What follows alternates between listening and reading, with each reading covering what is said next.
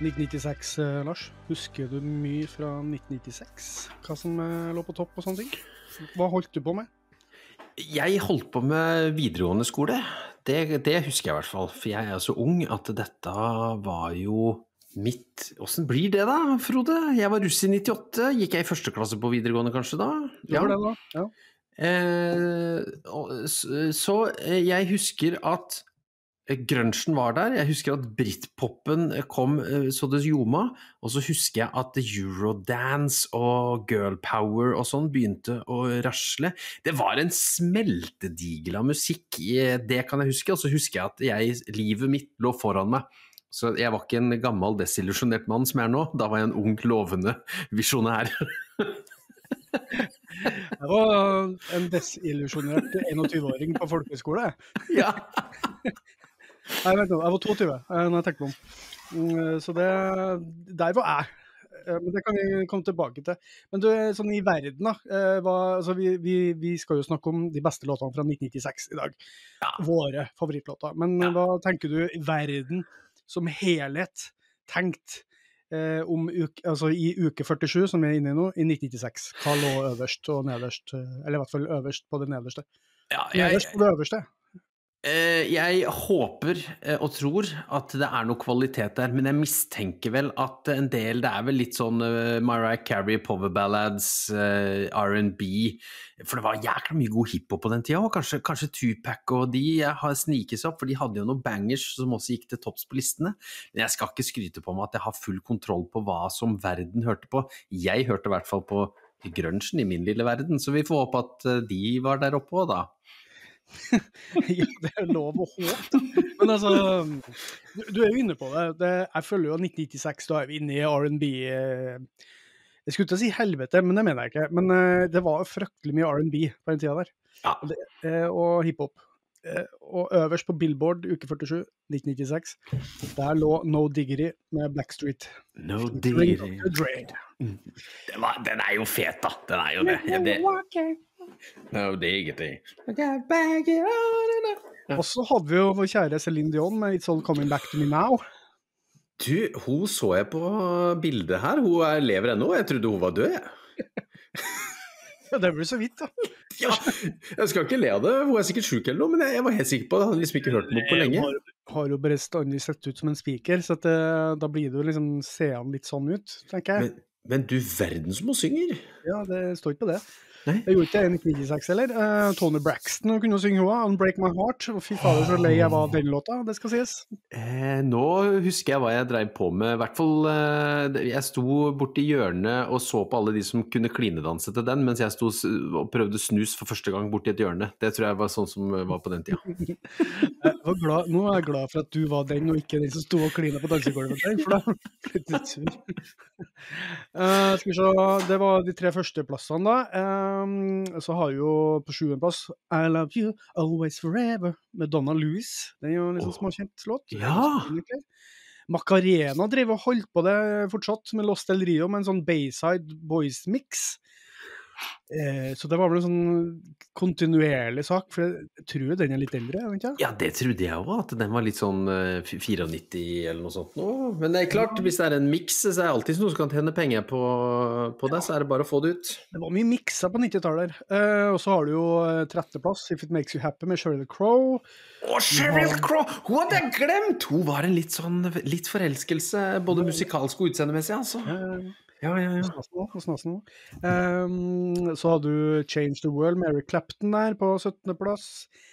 Ja. Uh, og så var det Evita, vet du, hva har holdt på da, Madonna, så har You Must Love Me from Evita. Å oh, ja. Men i Norge, da, hva tenker du der? For det, i Norge vi ligger jo litt bakpå, eller bakafor. Kanskje det er noe norsk der? Og så pleier vi jo ofte å ha noe norsk. 96 Du, nå frykter jeg at vi er inne i sånn derre Postgirobygget, tre små kinesere Altså, jeg skal ikke sette Postgirobygget og tre små kinesere i samme Nei. Men jeg er, jeg er, ikke noe spesielt stor fan av noen av de. Og så trang fødsel. Hadde, hadde alt dette begynt, eller er jeg litt for tidlig ute nå? Åssen er dette? Du, du eh, er jo inne på med 17.-plass. Eh, der ligger jo Postgirobygget. Hvilken låt tenker du da? Det må jo være idyll. Ja, det var idyll. Det, den, det er ikke det noen sånn rekord i antall uker på Ja, lista eller noe sånt nå? Det må jo ha vært kommet tidligere enn uh, uke 47 1996. For Ja, for er, sånn. det, er det egentlig en 95-album, det, eller? Det, har vi noen postgirobygges-kjennere der ute, så kan dere sende oss en e-post på vi driter i det, men send oss likevel at gmail.com. Ja, det er riktig. Uh, på førsteplass der ligger The Prodigy med 'Breathe'. Eh, Så Mhm. Etter The Land kom vel i 95, egentlig? Eller var det 96? Nei, kom i 96. Kom i 96, ja. Ja. Ja, Du har kontroll på det. Um, The Kelly Family, I Can't Help Myself.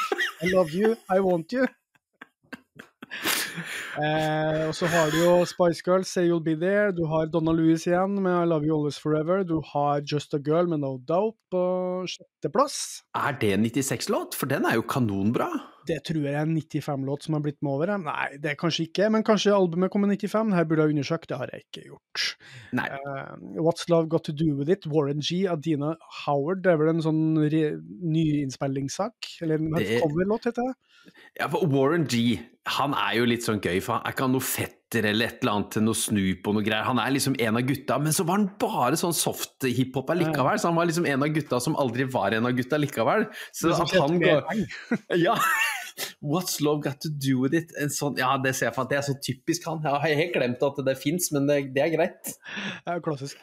Du har nå Digri igjen på åtteplass. Vi- Kanskje han var på vei oppover, jeg vet ikke.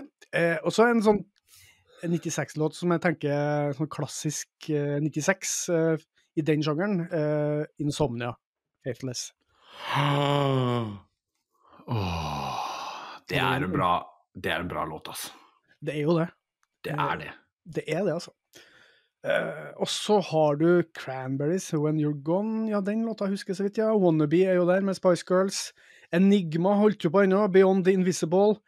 Uh, og så har du eh, gode, gamle Coco Jambo med 'Mr. President'. Ai, ai, ai, kokotambo.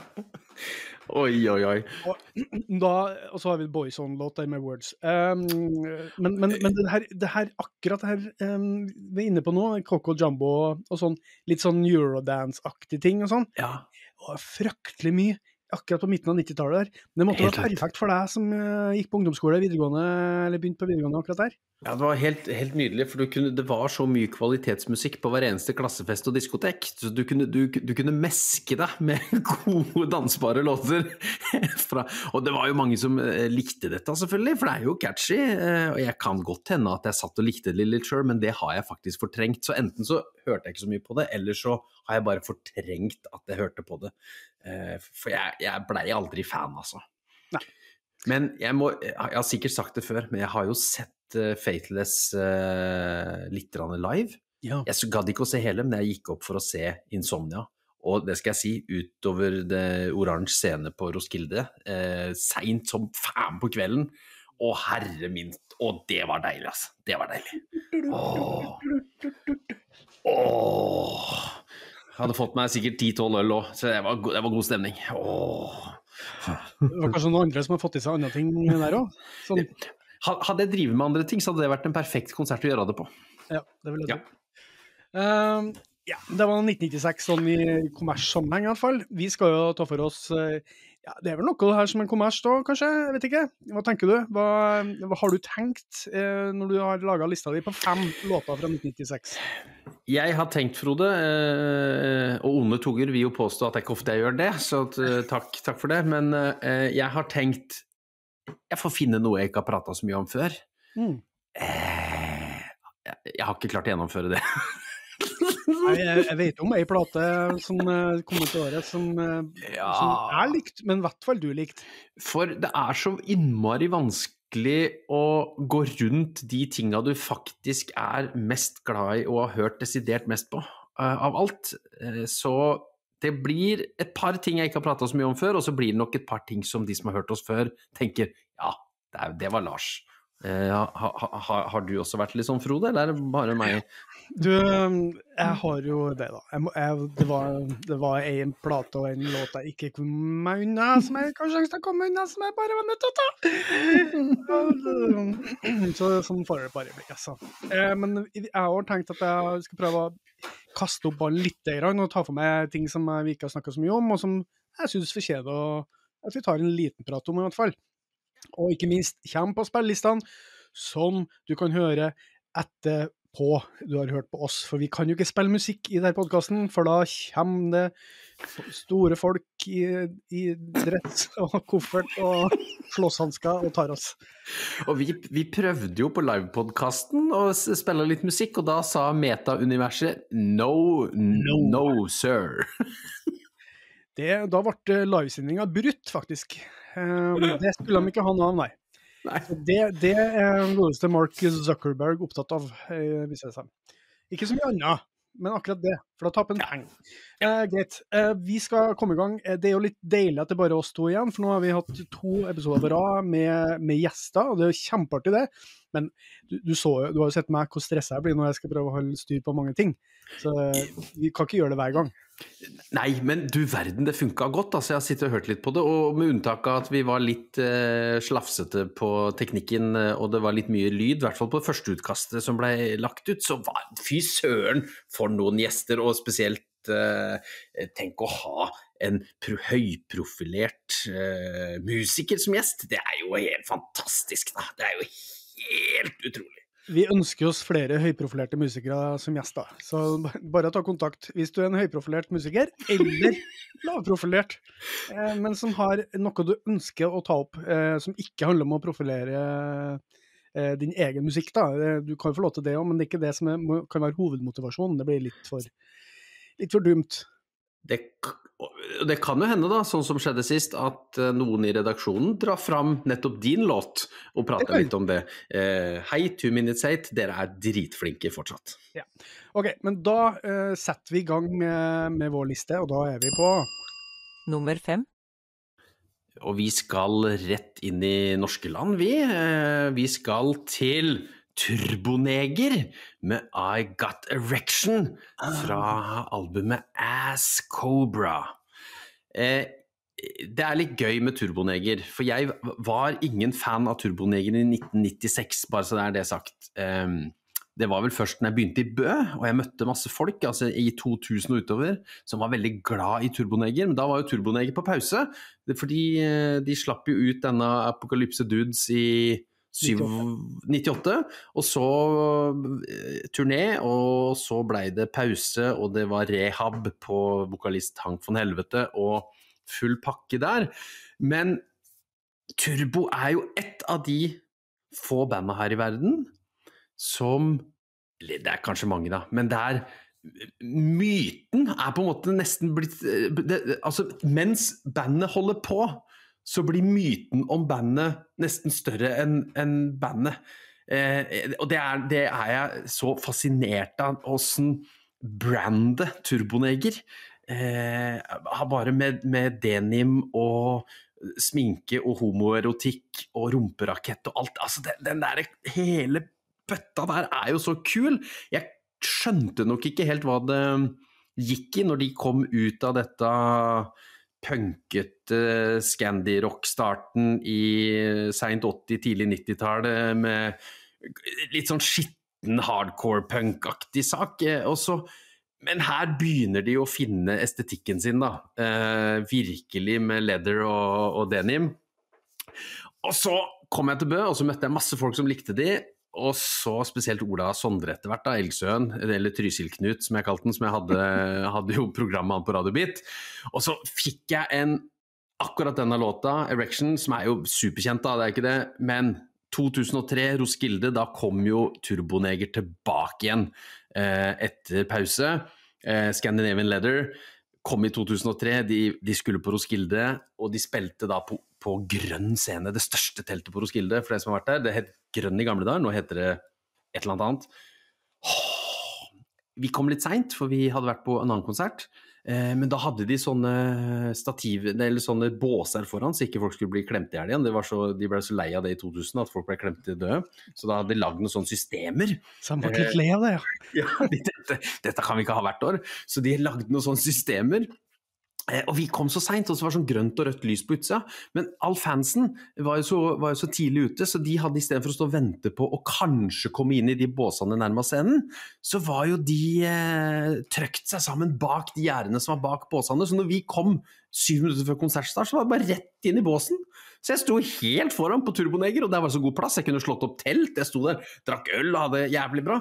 Eh, og poenget, da, da sto altså et helt tjåka fullt telt, 15 000 mennesker hadde plass i det teltet, pluss at det sto sikkert like mange på utsida av teltet og sang I Got Erection mens de venta på at Turboneger skulle på scenen. Det var en sånn ellevill elektrisk stemning som jeg nesten aldri har opplevd før eller siden. Altså det derre engasjementet og den den jækla gjengen med turbojugend som fløy rundt der og fikk med seg absolutt alle andre til å stå og synge, det er noe av det villeste jeg har opplevd. Og for en konsert. En time i himmelriket, altså, med, med Turboneger. Og fra den dagen så har I Got Erection vært en slags hymne til alt som er godt med livemusikk for meg. Eh, fordi det er altså så Bra, og et band som eh, vi ikke har snakka noe særlig om, eh, men som fortjener gullskriften i punk hardcore scandirock-historien. Eh, I hvert fall under den Jeg har ikke fulgt så mye med etter han nye vokalisten, altså han Tony et eller annet, men de var i hvert fall drita bra fram til mid 2000-tall. Og så skal jeg ikke ta så mye etter det. Og så er jeg glad for at jeg møtte folk som fikk lært meg at Turboneger er dritbra. Og nå ser jeg jo hele estetikken, jeg ser humoren. Det er altså så bra, hele pakka. Så Turboneger, I Got Direction. Eh, det ble mye prat om en låt jeg, eller et band jeg egentlig ikke er blodfan av, men det fortjener de. Eh, heia, heia Turbo. Og så skulle jeg si det, mine barn. Ja. Vi satt, eh, Jeg hadde på dette i bilen, og da kommer det opp på den skjermen vet du, hva jeg hører på. Ja, ja. Pappa, det er ikke lov å si neger. Så der har jo verden forandra seg såpass at de reagerte, de er jo 10 og 13, og det er jo veldig bra at de reagerer Ja, ja, ja. på at uh, ordet neger skal vi jo ikke slenge rundt oss med. Men det, var, det har jeg liksom aldri reflektert over i ordet turboneger. For det er jo den navn. Jeg har liksom aldri ikke du. Det har jeg tenkt masse på. Hvordan kom de unna med det? Eh, jeg begynte å tenke det den gangen òg, men det er en annen sak. Ja, ja, ja. Og at de også klarte å gjøre karriere utenfor Norge, ut i, i f.eks. USA. At de hadde et navn der. Med Men Det er for, det er kaller for seg Turbo Negro, ikke sant? Ja, ja, for derfor kledde de som negro. Så det var bare negro spiritual eller noe sånt. Og det, så det, det kjøpte folk. Ja, ja, dette Ja, for det var Turbo R, så har ikke det fungert. Nei. Eh, Nei, men det er litt, litt artig det, da. At, at eh, dagens ungdom nok ikke omfavner bandnavnet, i hvert fall på samme måte som det vi har gjort. Litt mer woke, dem. Du, Yes. um, du forteller egentlig bare akkurat det samme opplevelsen jeg hadde på Kvartfestivalen 4. juli for 20 år siden. 20 år siden! Det er 20 år siden, Frode! Jeg husker jeg sto der, og vi har snakka om akkurat det her før, det vet jeg. Ehm, at de sto der, at jeg hadde liksom eh, 10 000 mennesker bak meg som ropte I got erection. Ja. Eller som jeg skrev i anmeldelsen min, som var terningkast 6, selvsagt. Eh, Jeg skrev er det ikke en herlig tid vi lever i? En tid vi kan gå rundt i en fremmed by, ropesynge åh, åh, og helt sikkert fra, få svar fra en eller annen annen i mengden I got erection. ja. Eh, så- så det var en fantastisk opplevelse på Kvartfestivalen òg. Eh, det var Og jeg, jeg tror jeg har snakka om hvordan jeg oppdaga Turboneger i 98, akkurat litt for sent, eh, gjennom en jeg jobba med på verdens verste arbeidsplass, som var broren til eh, Christer Engen i Turboneger den gangen. Nemlig ja, ja, ja. Engen, som spilte vel i Euroboys etter hvert. Men eh, vi jobba altså på verdens verste plass. Og jeg elska Apokalypse Dudes. Men det du ikke Snakka du noe om hvor dårlig lyd det er på den plata den sangen? Det glemte jeg å si, for det er jo det store drawbacket med hele den eh, låta og plata. Det er jo Det høres ut som om de har sittet inni en eh, Ja, inni en liten pappeske eller et eller annet og glemt uh, gode opptaksmuligheter. Men vi må bare spille likevel, for det er, det er dårlig, altså! For det, det er jo så enorm da, forskjell til Apocalypse Dude, som er så bra produsert, Yes. har så bra lyd. Men Ja. de var jo hadde liksom black metal-greia. At de satt inni pappeska si og Ja. Men eh, Og derfor så blir jo opplevelsen av disse låtene fra den tida så enormt store når du får det fulle live-trøkket på det. eh, Med Men altså Turboneger i 2003, når de kom friske og raske ut fra rehab og alt mulig, det er noe av det giftigste som har stått på, på scenene rundt om, i hvert fall i det norske land, eh, og sikkert i Nord-Europa. Au! Jeg, så jo Turboneger var det, det var vel år etter, eller to år etter, jeg husker ikke, eh, på Hulsfred-festivalen. Og de var jo like store der, for å si det sånn. Eh, ja, de var helt med. Og så hadde vi de jo et par ganger på bitte lille kroa i Bø, så det er veldig gøy å ha sett de på den største scenen, Ja, ja. og sett de på den bitte lille klubbscenen. Eh, jeg kan, om jeg ikke husker feil, så var det ikke helt fullt engang på en Turboneger-konsert. Det var fas Vi skjønte fascinerende. ikke nå. Vi skjønte ikke nå. Hæ, er det ikke fullt? Ja, hvorfor er det ikke det? Ja, men uh, vi var rockerne, vi skjønte ikke det, mens uh, det her uh, idrettsstudentene uh, og norskstudentene, de fikk ikke med det. Nei, men det, det er jo en sannhet. Ikke med modifikasjoner engang. Uh, på akkurat den tida der. Og så har det nok skjedd det nok ting etter hvert. Du, nå har vi snakka ganske mye om Turboneger. Uh, rå, rå, sterk start. Jeg har helt glemt det albumet og den låta. Så bra at du tok det fram. Vær så god. Eh, jeg har bestemt jeg bestemte meg for at jeg må ha med noe litt sånn no, eh, ordentlig kult og litt speisa. Eh, men samtidig, jeg tror, jeg tror egentlig ganske mange vet om John Spencer Blues Explosion. Eh, for jeg har valgt meg ut eh, låta 'Whale' fra albumet 'Now I Got Worry' med The John Spencer Blues Explosion. En, eller et av de mest speisa og kuleste albumene jeg hørte på i 1996, i hvert fall. Um, jeg var jo allerede litt på blueskjøret da, og her John Spencer og de gutta her, eh, de var jo en insane blanding av tradisjonell blues, Elvis og noe skakkjørt alternativ rock, som fullt ut kjørte sin egen greie. Og ja, øh, det var levende og pulserende og helt ko-ko. Men veldig fengende og megakult. Eh, Så det var så kult.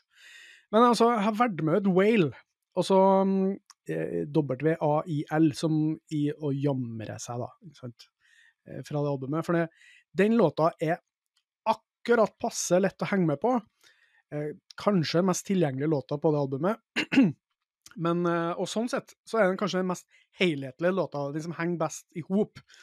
Eh, og her høres jo John Spencer ut som Elvis på speed. Um, og bandet det skaker og hangler ganske kontrollert rundt, da, men funky. Funky vis. Og så er det sånn eksplosivt refreng som bare går Wow! Wow!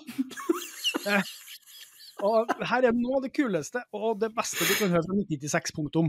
Eh, og alle må gå inn og høre på John Spencer Blues Explosion, og i hvert fall på Now I Got Worry. Eh, nå husker jeg ikke, de kom med en plate eller, eh, eller to etterpå det som fikk eh, kanskje enda større eller bedre mottakelse, men det var i hvert fall en kritikerfavoritt, det husker jeg. Eh, og at det var mm, noe som var litt sånn kult å høre på.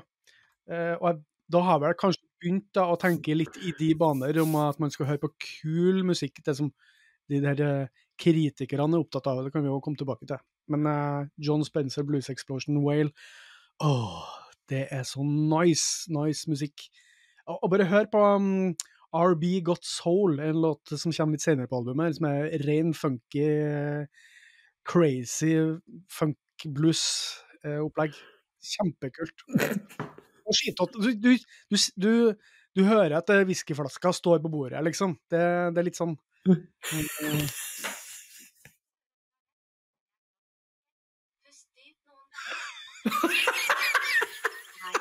Hvis du føler deg i fare, bør du søke inn eller be meg ringe nødnummeret.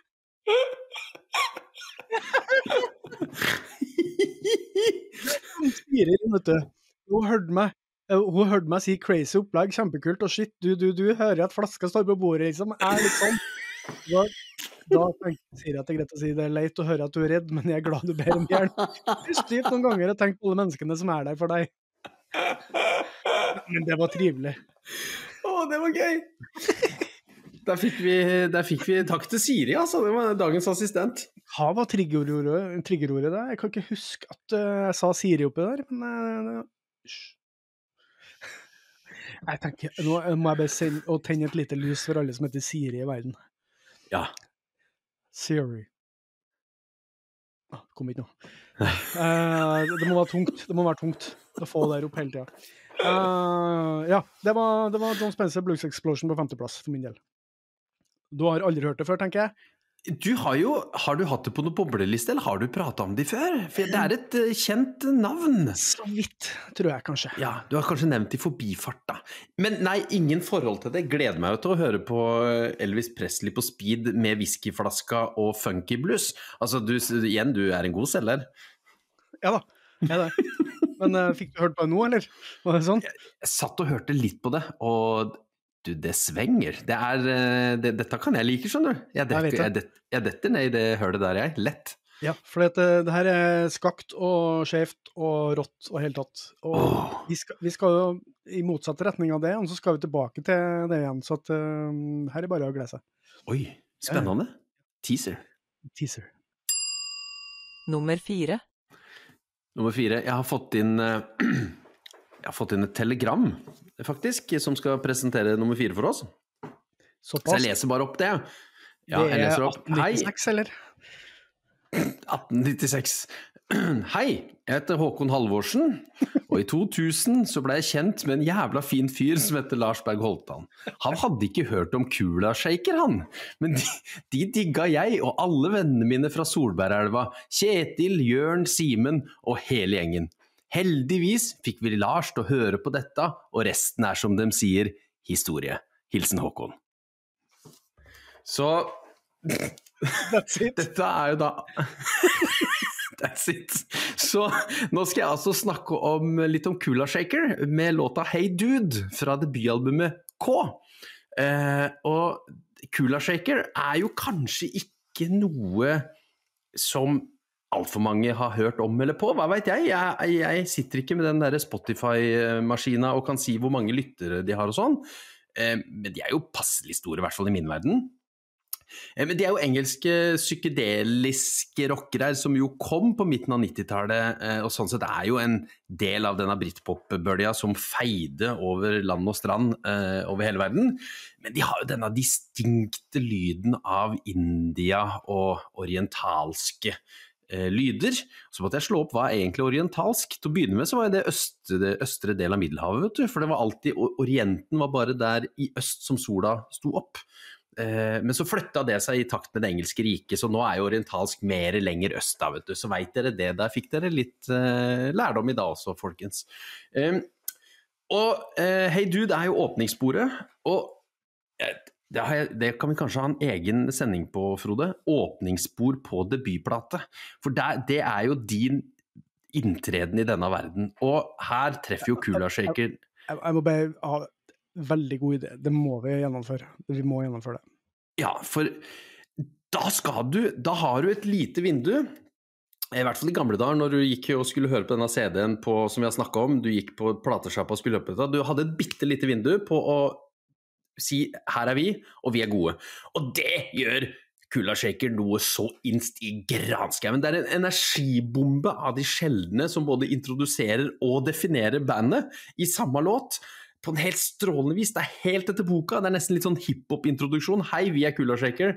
Vi spiller rock, vi er eh, psykedelia, vi er orientalske i, i instrumentsettinga og lydbildet. Og så smeller de på Hey Dude, og så sitter du der og bare tenker i helskotten for et jækla band. Og jeg har ikke blitt så stor fan av Kula Shaker at jeg kan name-droppe katalogen og sånt noe, men plata K, eller K da, den går støtt og stadig. Eh, og da har du også tatt hva som er en fabelaktig låt litt seinere ut på plata her. Men uansett, Kula Shaker, Hey Dude, 1996, yes sir. Eh, Sjøl om det tok meg noen år etter utgivelsen å finne den, så når jeg først fant den, eller fikk den presentert, så ble jeg veldig glad. Og den henger med meg den dag i dag. Eh, så tusen takk til Håkon og kompani i Solbergelva. Jeg prøver å, å, prøver å komme på hvilken Kulasykkellåt som er den mest kjente. Det er ikke den her. Um, kan det være en låt som heter Hush? Det kan det hende. Eh, fordi at jeg husker at eh, kulasjekket var ganske kult. Eh, kul, kula Men Nei, det er kanskje ikke den heller. Jeg prøver å høre på den nå. Men eh, her er, her er deilig sånn um, innfallsvinkel, eh, eller hva skal jeg si, ikke opplagt eh, at man skal komme, komme fram med, men som er ganske opplagt når du kommer med det. Fordi at Ja. Det her er òg litt sånn lyden av 90 1996, føler jeg. Uh, det her er jo på en måte britpop, men det er rock, Uh, Ja. Eh, Helt rett. og kanskje litt sånn akkurat når den holder på å gå nedover i 1996, da. At det i hvert fall ikke lenger er helt Det er ikke på høyden lenger, men det er ikke dårlig, det er bare ikke på høyden. Eh, og det var mye, mye altså Fortsatt var engelsk uh, rock og pop veldig in uh, og kult i verden generelt. Og det var Ve- Kulasjekker var et sånt kult band, husker jeg. Ja, og det er, det, er, det er virkelig godlyd, og det albumet her, det som sagt, det får ei runde i spilleren fra ny, i ny og ne, og det er et eller annet som skjer i det jeg setter på Hey Dude der, som jeg bare Å ja, nå er det fredag kveld, og stemninga er er god. Litt sånn funky òg, og det er jo litt sånn Manchester-lyd-aktig. Er det Mhm. Manchester? Nei, er det? Nå spør du, du spør så godt nå. Spør vanskelig, i hvert fall. Det ødelegger jo all typer type research vi har gjort. Eh, Eh, du, de er fra De er vel fra Nå skal jeg Nå må jeg slå opp i min eh, prefererte søketjeneste. London er de fra. Ja. Okay. Smeltedigelen. ja, men det er litt sånn eh, Den der funky, danseaktige greia der er jo litt sånn Manchester-sound på ett vis. Oh yes. Og det er jo aldri feil. Selv om Manchester, sjølsagt, som fotballby, det er ganske feil.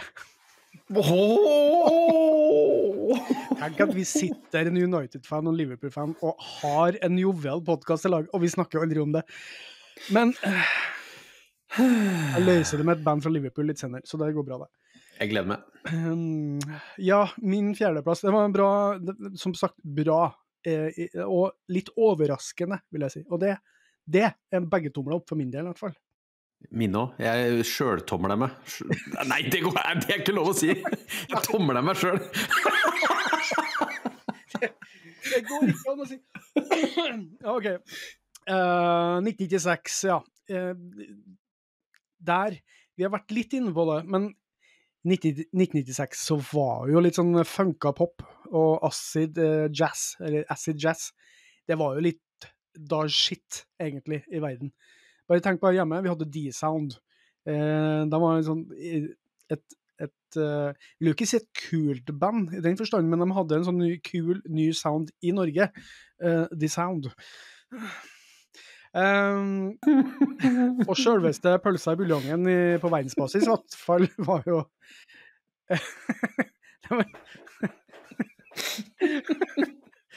Eh, Jeg beklager. Um, pølse i buljongen, det var litt det var jo litt gøy.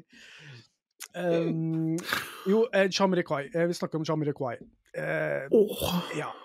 Eh, Jamiroquai er jo faktisk et ordspill på ordet jam. Og navnet på et eh, indianerforbund som heter Iroquois. Eller Iroquois.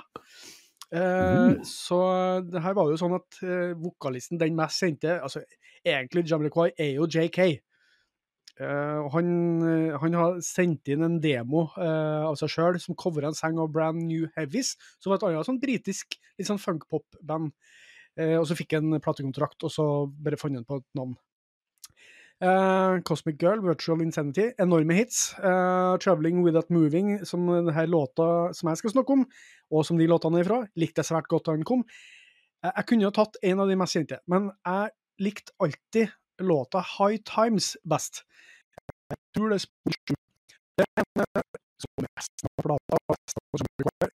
Men spesielt den her, en sånn ordentlig dansbar og funky sak, som jeg alltid prøvd å få til å få, bli enda feitere ved å skru opp bassen på stereoanlegget. Sånn ordentlig opp på åtte der. Eh, og så er det sånn stemmen til JK akkurat passer jazza og leken. Og så er bandet. Spiller jo så fett og OK, vi må være ærlige her, da. Og det er jo en fin linje når du spiller veldig, veldig, veldig bra. Eh, og at det ikke blir sånn flinkis. Og det er jo litt flinkis, men når du har låtene, da, så blir det noe annet. Jeg tenker på sånne folkehøyskoleband som bare er dritgode til å spille, jeg går på Viken folkehøyskole der, og der lærer de bare funk, har jeg inntrykk av. Eh, og står på Gjøvik der og bare molspiller funk, eh, og så stopper liksom opp der, for låtskriving er ikke så nøye, bare får den funky nakken som går der, og hodet. Og du har bassen høyt oppå, ikke sant? og du er bare mm, gruve. Men akkurat sånn er jo Jamiroquai. Bare på en Ja. god måte. Uh, og da han på sitt beste så var jo Jamiroquai dritfett. Og på det litt mer jevne så var de jo, bedre enn de fleste. Så jeg vil jo si at det albumet her, og den låta, er en klassiker fra 90-tallet. Skaper godstemning i hvilken som helst heim, om du bare setter på. Men som sagt, High Times er, er jeg, vet ikke hvorfor, um, hvorfor det, jeg liker den bedre enn de andre, men har selvsagt mindre spilt. Men den var, den var sånn ekstra funky, ekstra bassdreven, som jeg likte veldig, veldig veldig godt. Og jeg, når jeg hørte, jeg hørte på den i bilen her om dagen, å herregud, det var, det var digg. Jeg bare få det, fylle bilen med det drivet der. Eh, og, og jeg liksom kom litt for fort hjem, så jeg måtte best jeg kunne ikke sitte ute på gårdsplassen der og spille her på maks, ikke sant? Eh, for da har naboene begynt å lure. Men jeg hadde- så lyst til å bare fortsette å sitte der og bare høre den ferdig, for at det er så jævlig fett. Eh, high Times eh, Jeg kunne jo vært en av de andre, eh, og jeg vet kanskje en annen kar som var inne på det. Kan vi si noe om det? Ja, for det er en annen i redaksjonen som har en Jamiroquai-låt på boblelista, og det er jo den mest kjente der, Virtual Insanity, som jo også er altså så funky og dansete og glad og alt godt her i livet. Så vi, vi er jo enige om at her har vi noe som er meget bra fra mid-90s. Eh, og det er jo gladfunk, dansfunk, dette, så det ljomer, altså. Ja, Og flinkis. Men, men som du sier, Frode, flinkis uten å dette i flinkisgryta. Det er en, eh, noe lekent der som er veldig, veldig befriende deilig. Ja, og så, når du skriver en god låt, så er en god låt en god låt, det. Det er ikke så nøye hvor- og, du- så Vi er veldig opptatt av at det ikke må være perfekt, og at det må være litt sånn eh, noe rom for noe menneskelig oppi der. Men jeg føler at når du, når du spiller det så bra som det her, så, så blir det menneskelig. For da, da treffer det noe dansbart i det. For at du kan jo si om eh, elektronisk musikk av ymse sorter. Det er jo mm, det er jo, fort, det er jo perfekt lydmessig, det òg. Men det kan jo være fett som faen. Vi har hørt på Fem fine frøkner, eksempel. Eh, som vi snakka om i Hvilken sammenheng var det? det var, jo, det var metall i tittelen. Var det du Stemmer. Ja, Stemmer. Kjempefett låt. Det er jo perfekt, ikke sant? Lydmessig. Det er jo ikke noe Ja, ja. imperfekt med verken vokal eller produksjon. Blir det noe dårligere av det? Nei. Men Nei. Det, og det er det som er så deilig med musikk. Det er helt umulig å pinpointe ja, det er for bra spilt. Det går ikke an å si. Det går egentlig ikke an å si det er for dårlig spilt heller, for noen ganger er det som er greia. Det er det som får fram identiteten til låtskriveren og framføreren. Åh, ja, nok om det. Skal vi, ehm, skal vi gå videre da, tror du? Skal vi det? Ja, jeg tror, jeg tror kanskje vi gjør det. Nummer tre. Vi holder oss i det litt funky delen av musikkuniverset, vi, Frode. Ikke like funky, men eh, ja, ja, nesten like perfekt. Og i kategori flinkis så tror jeg vi kan putte denne gjengen her. Vi skal til Dave Matthews Band, som jeg er veldig glad i. Som er eh, De kommer jo til Norge nå på, i april. Oh, ja. Overraskende nok. Overraskende nok. Jeg har ikke kjøpt meg billett, for det er jo Spektrum og de. Jeg er litt sånn halvskeptisk til det, så jeg får se. Eh, Jeg vurderer å dra til utlandet. Men Dave Matthews Band ga i 1996 ut eh, sin andre plate, Crash. Eh, og jeg må si det sier jeg ofte 'jeg må si', og det er jo ikke så rart jeg må si det, for jeg sitter jo her og lager en pratebasert podkast, så jeg, det kan jeg slutte å si. Eh, første albumet jeg kjøpte av Dave Matthews Band, det var det her. Eh, og jeg tror vi snakker 98-99. Jeg, jeg tror ikke jeg kjøpte det når det kom, eh, men jeg tror nok noen av mine venner i Sandefjord sa eh, har, du ikke hørt, har du ikke hørt på Dave Matthews? Og så sa jeg nei. Og så kjøpte jeg det. Og så gikk jeg hjem, og låta jeg skal snakke om er So Much To Say, og det er åpningssporet på denne plata. Og det er jo det første du hører. Og jeg hadde jo ikke hørt så mye på, på dette. Dette må folk igjen huske at dette er før internett og strømmetjenester og alt mulig. Så her enten så fikk du det en brent CD eller en kassett av noen. Eh, Det var så lenge siden at kassetten levde. Eller så måtte du gå og kjøpe den for 179 kroner. Standardpris i Sandefjord i hvert fall. ta den med hjem, åpne opp. Alltid litt vanskelig å få den plasten rundt CD-ene. Sette den i spilleren og sette på.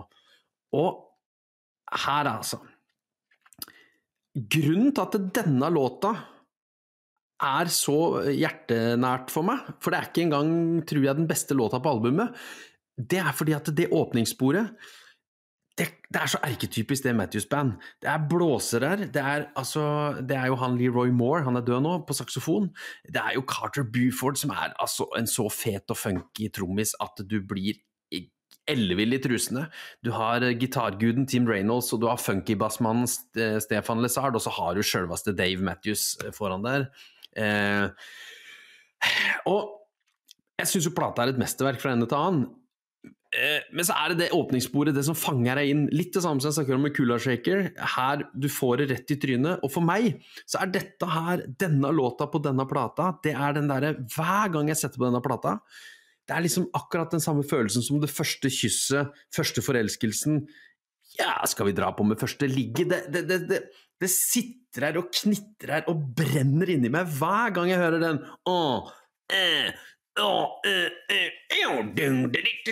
Når de starter, så, er det, så bare våkner det et eller annet dypt inni meg som, eh, som, jeg ikke kan beskrive, men som alle som er glad i musikk, tror jeg kan Eller andre ting som brenner for det. Jeg tror du kan kjenne deg igjen. Det er noe med det Det er, det er noe magisk som bare skrur seg på i de første fem sekundene der, og som bare holder seg gjennom egentlig hele plata. Eh, så er jo kanskje Two Step 41 eh, og kanskje Crash Into Me mer kjente og bedre låter fra plata. Men so much to say, det er så deilig funky Dave Matthews på sitt beste, eller som mange vil mene, sitt mest kjedelige. For det er jo noen som bare har det for seg at det Matthews Band er så kjedelig, og de har kanskje et poeng. De har det, eh, men ikke i min verden. Her er dette griseflott. Så der fikk jeg prata litt om det Matthews igjen. Jeg tror ikke jeg prata så mye om de før. Vi sier at jeg ikke har prata så mye om de før. Du prata om pigg eh, på Mat i tittelen Nei, jo, Mat i tittelen. Helt rett. Eh, fra eh, plata som kom etterpå, Before This ja. Clouded Street. Eh, Streets, eller Street. Og det var jo et album jeg har veldig godt forhold til. Og jeg var vel inne på at, uh, at Matthews Band hadde et litt sånn rykte for seg å være litt kjedelig i mm. Norge. Mm. Så tror jeg ikke de har det samme ryktet i USA, der de jo er størst. Så det overraska meg litt at de kom til Norge, sånn sett, fordi jeg tenkte at ja, men det er ikke de en sånn hovedsakelig amerikansk publikumband. Så det var litt de, overraskende. De spiller på ganske små venues, ser jeg da, rundt i Europa. For jeg måtte jo kikke kan jeg slå dette sammen med en eh, liten storbyferie. Og det er jo sånn type 4000-6000 plassers venues de drar på i Europa. Og så drar de vel på type 20 30 40 50 000 venuene i USA. Så de er nok en del større derover. Ja, så det gir jo, gir jo meg et poeng akkurat der, da. Men ja. Eh, Spektrum, eh, sittende publikum 5000, tror du det? Noe sånt? Ja, jeg, eller, når du står på Jeg tipper det er ståplass i bånn, og så er det sitte bakover. Det er kanskje 10 000 der, da? Eller? Ja, kanskje. Jeg har ikke vært i Spektrum på år og dag. Eh, Nei, og jeg er litt skeptisk, for, det, jeg har vært og sett det Matthews Band en gang før. Da var jeg i København uh, og så de, og det var veldig bra lyd. Uh, og jeg er litt skeptisk, for hvis dette ni, åtte, ni timannsorkesteret live hvis det blir litt Hvis lyden begynner å slå seg hverandre i hjel der, så mister du litt av den der gode, funky For selv om det er mye, mye lyd, så er det sånn distinkt at du, du kan Dette er ikke noe suppe, dette er ikke gitarvegg, dette er liksom her hører du hvert instrument. Ja, du, du, må liksom ha hele spekteret der for at du skal ha gleden av ja. det. Det er ikke ja. øs pøs. Det, det, er ikke liksom lydveggen som møter deg. Nei, det er interessant. Jeg har ikke noe forhold til låta, egentlig ikke plata, men jeg tenker at nå Fader, nå må jeg kanskje ta tak i den krednissen i meg og kverne litt, og så faktisk høre på den her. For det, det, er noe med den varme lyden og Det, det, det hørte jeg at du, hva du mener. altså, skjønte hva du mente med at det er litt sånn løst og litt sånn øh, Litt sånn øh, Rusler seg litt sånn i gang og Jeg liker det. Jeg liker når det jeg, jeg, tror, selv om det Matthews-band har en liksom Ja, virker litt sånn uh, I hvert fall fra utsida litt, litt, sånn, litt sånn pretensiøst, Så har, når, jeg, når jeg tenker meg om, så tror jeg kanskje de der bandet der egentlig er et band som bare har det masse gøy og spiller musikk i lag og koser seg i lag, og holder på ennå. Eh, 1800 år senere. De er ganske mange, er mitt, ikke? Jeg innbiller meg. Jo, de er en hel jækla gjeng. Eh, De har jo full blåserekke og alt mulig. Nå skal jeg se hvor mange de er per nå. Så er de to, fire, seks To, fire, seks, syv eh, faste medlemmer. Og så har de jo med seg et par andre live, så det er jo en jækla gjeng. Og så har de jo hatt et dødsfall og litt sånt, men eh, ja, det, er jo, det, er, det er jo gøy, altså. Det er et, jeg syns det er et jækla gøy band. Nå, nå er han på turné i Sør-Afrika, faktisk. Eh, Ja. Så der. Han er jo vel opprinnelig eh, Ja, sørafrikansk. ja, ja, ja, ja, stemmer det. Sjølveste Ja, ja, ja. Matthews, altså. Ja, ja, ja. Uh, Sjølve karen, ja. Oslo Spektrum er 20. april, ja. Stemmer. Uh, ja, uh, kult. Det var um, da, da må jeg bare ta ansvar og gå hel, helt andre veien da, og komme lydveggen. Uh, siden Dave Matthews ikke har lydvegg. Det har i hvert fall gode, gamle Bob Mold fra Husker du? Husker du når jeg prata om Husker du? Jeg husker det nemlig, og jeg ble så, jeg ble så glad at du snakka om Husker du, sjøl om Jeg har ikke noe forhold til Husker du? Jeg har et forhold til Bob Mold, eller Mold, eh, hvordan du sier det på engelsk, det er jeg jammen ikke- sikker på. Men eh, Ego Ride er låta. Ego Veride, eller Ego Veride. Men uh, ikke sant? Husker du, skrev og husker du med to tødler over uh, u-ene sine, så på norsk ville jeg jo sagt 'husker de', men i USA så uttaler man ikke noen ting uh, sånn som det skal, så det var jo 'husker du', eller noe sånt. Uh, men han liker jo, for han er jo fra Minnesota, vet du, Bob Mold, og husker du. Men han ble jo soloartist der, på, i hvert fall på 90-tallet. Eh, og da Det her er jo støypop på sitt aller, aller beste. Eh, han sto som sagt, han var hovedmannen bak eh, det smått legendariske alternativ-rockbandet, husker du, på 80-tallet? Som sagt, jeg har ikke noe forhold til det, men bortsett fra at Lars har da snakka om dem, og jeg har tenkt fader, jeg må høre mer på Husker du? og så er jeg glemt igjen. Men han har jo det aller, aller beste øret for melodi, og megastøyete og skitete fuskgitar. Um, så jeg kom over den låta her i 1996 på en CD som fulgte med musikkmagasinet Beat. Definitivt Beat, het det eh, platene som kom med ca. annenhver måned. Eh, det var nummer tre, Beat nummer tre det året. Jeg har, um, jeg har den plata her nå, foran meg. Uh, og hvis du ser det her på video, uh, sånn ser det coveret ut. Um, og det um, Der fant man for øvrig artister som Grant Lee Buffalo, eh, med låta eh, som jeg har på boblelista mi, som ikke kom med helt, men som heter Rousing Thunder. Kanskje den mest kjente låta hans. Digga den. Vi hadde Underworld, vi hadde Rocket from the Crypt, vi hadde Ocean Color Scene. Også et band som du skal ta senere, vet jeg, så jeg skal ikke si det.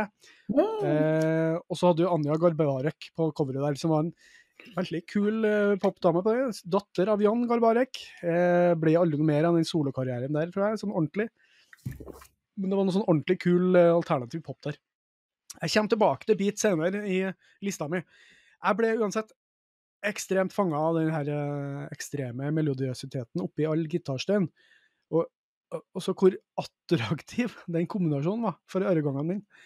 Um, og jeg tror jeg kan slå fast at um, denne låta her la grunnlaget for det som er min nummer én i dag, faktisk. Og for dem som kjenner podkasten, og eller meg, vet fort hva som kommer da, men det kommer vi tilbake til. Låta her går jo umiddelbart rett ut i høs, pøs, gitar og søtladen melodi, men på smakfullt vis. Eh, og så har Bob en litt sånn jeg nesten kaller en litt sånn autoritær stemme, eh, uten at den er bjeffende på noe vis. Men den kommanderer meg liksom til å virkelig høre på det som presenteres, hele tida, mens ørene drukner. Og det, det, altså, det er så skrudd så på vrengeren at det, det, det, det er overdrive. Det er fuzz overdrive.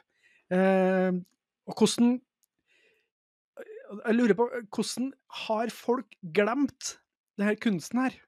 Å blande denne typen fuzzgitar i overdrive med fengende melodi. Det er sånn ordentlig, så skrur det for langt. Hvorfor, hvorfor har vi glemt det? Uh, se for deg det her, da. Hvis det kom en sterk popmelodi i dag, og så hadde jeg blitt presentert med den typen fuzzgitar her, gjennom en sånn delsprengt gitarforsterker, da har jeg vært all in, altså. For det balanserer så jævlig godt. Ja, søte, søte, men den Og låta handler jo om et ego i override, det skjønner vi jo alle. Uh, Go Override, Your ego will override, synger han. Uh, og hvorfor, det er jeg ikke helt sikker på om det handler kanskje om at han uh, har møtt på noen folk med ego, eller at han er det sjøl, Uh, opplevd det sjøl. Men for en låt! Og jeg hører den en dag i dag, så blir jeg, så, jeg blir så glad! Bob Mold han lager så glad låter. Jeg blir så glad av å høre den låta her. Jeg egentlig skulle ha med på en gang i tida på låta jeg blir glad av, men tenkte nei, det blir litt for sært. Men nå kom vi til 1996. Var på definitivt beat nummer tre, 1996. Åh, det er så god låt. Det er altså så god låt. Eh, det er bare å glede seg til å høre den. Jeg, jeg kunne ha satt den øverst, men jeg kan ikke det. Fordi det ville vært feil i forhold til det som kommer. Men det er ikke langt unna, ass. Nydelig sak. Jeg, jeg bare henger meg på hyllesten, jeg, Frode, for det, dette det er jeg helt, helt enig i. Eh, Dette er, en, dette er et, eh, et eh, Hva er det de sier for noe i, i Flåklypa? Han være genial, den mann være genial. Og det er Det treffer meg også midt i. Så det er Nei, du har sa alt. Jeg skal ikke si noe mer. Bob Mold, for en fyr. For en, for en eh, låtsnekker av, i verdensklasse. Åh, ja. Det er um, Og så har han ikke en større karriere enn han har. Uh, han er stor nok, han lever sikkert av det, men uh, Mens det er mange andre som har større karrierer som ja, ikke burde hatt det. Men nok om det. Nok om det. Ukas tips. Nå, Lars, har vi ikke hatt ukas tips, jeg husker ikke når. Du har gjort en for dårlig jobb der, Lars. Det har jeg, Frode. Og så er det jo et eh, poeng da, at vi sitter jo egentlig og bare presenterer tips i halvannen time. Sånn at eh, vi, det blir jo tips på tips. Men jeg er helt enig, vi har ikke hatt noe konkret ukas tips.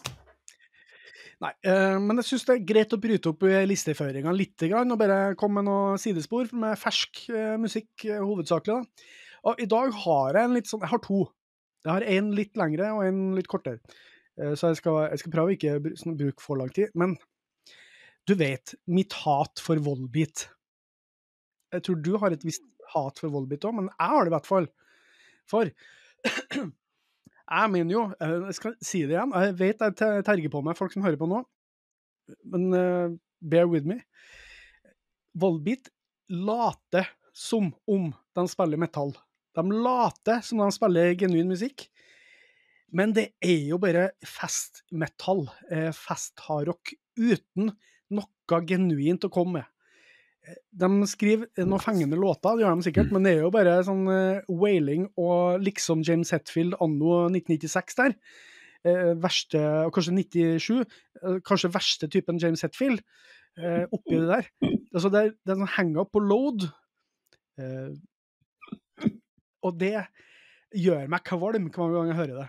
Får, de dukker opp på en eller annen metallfestival, midt blant noen sånn skikkelig gode her, og så kommer Volbit. Eller står øverst på plakaten, som de gjorde her i Trondheim. Og Jeg blir sånn Gud, og folk elsker det. Eh, og folk må få lov til å elske det, men jeg hater det. Men her kommer bomben, Lars. Michael Paulsen, eller Michael Paulsen, eh, vokalist i det uh, her danske rockeband Volbeat, eller er han vokalist, jeg er ikke sikker på, men han spiller i hvert fall der. Han har jo vært en death metal-fyr uh, i et band som heter Dominus. Og mens han holdt på kombo- spilte inn et sånn Volbeat-album som heter For Servant of the Mind fra 2021, så han begynte å skrive death metal-riff. Eh, bare sånn, bare for seg sjøl. Og så hm, Det her funka jo ganske bra. Og så ringte han opp en kompis, som en sånn death metal-fyr eh, som spilte trommer, eller hva det var for noe. Jeg husker ikke hele historien der, da. Og så begynte de å spille litt i lag og, og jamme og i garasjen eller noe sånt. Og det var liksom sånn gammeldagse death metal-riff, da, litt sånn, eh, sånn som de var vokst opp med og digga sjøl. Og her er greia. Nye bandet hans, As in Hell, med, med albumet Impi Hora, som betyr ugudelig tid, eller noe sånt. Altså, det er så bra. Altså, det er så fett. Og det er så deilig riffete. Det er altså så Bare åpningssporet på den plata her Altså, det er eh, Den heter for Fall of the Loyal Warrior. Altså, det er så fett, og det er så gruvesånn. Og det er vokalisten uh, som heter for uh, Hva heter han? Han heter for Mark Grew. Han har sunget med et, noe som heter, band som heter Morgoth, som er ganske kjent death metal-band, og noe som heter Insidious Disease. Og så har de med seg en annen danske som heter Martin Toft Hansen. På, Toft Hansen. På Eller danske gruppen Ronge. Hjemnesa. Det var det kanskje han han spilte med i garasjen, ja.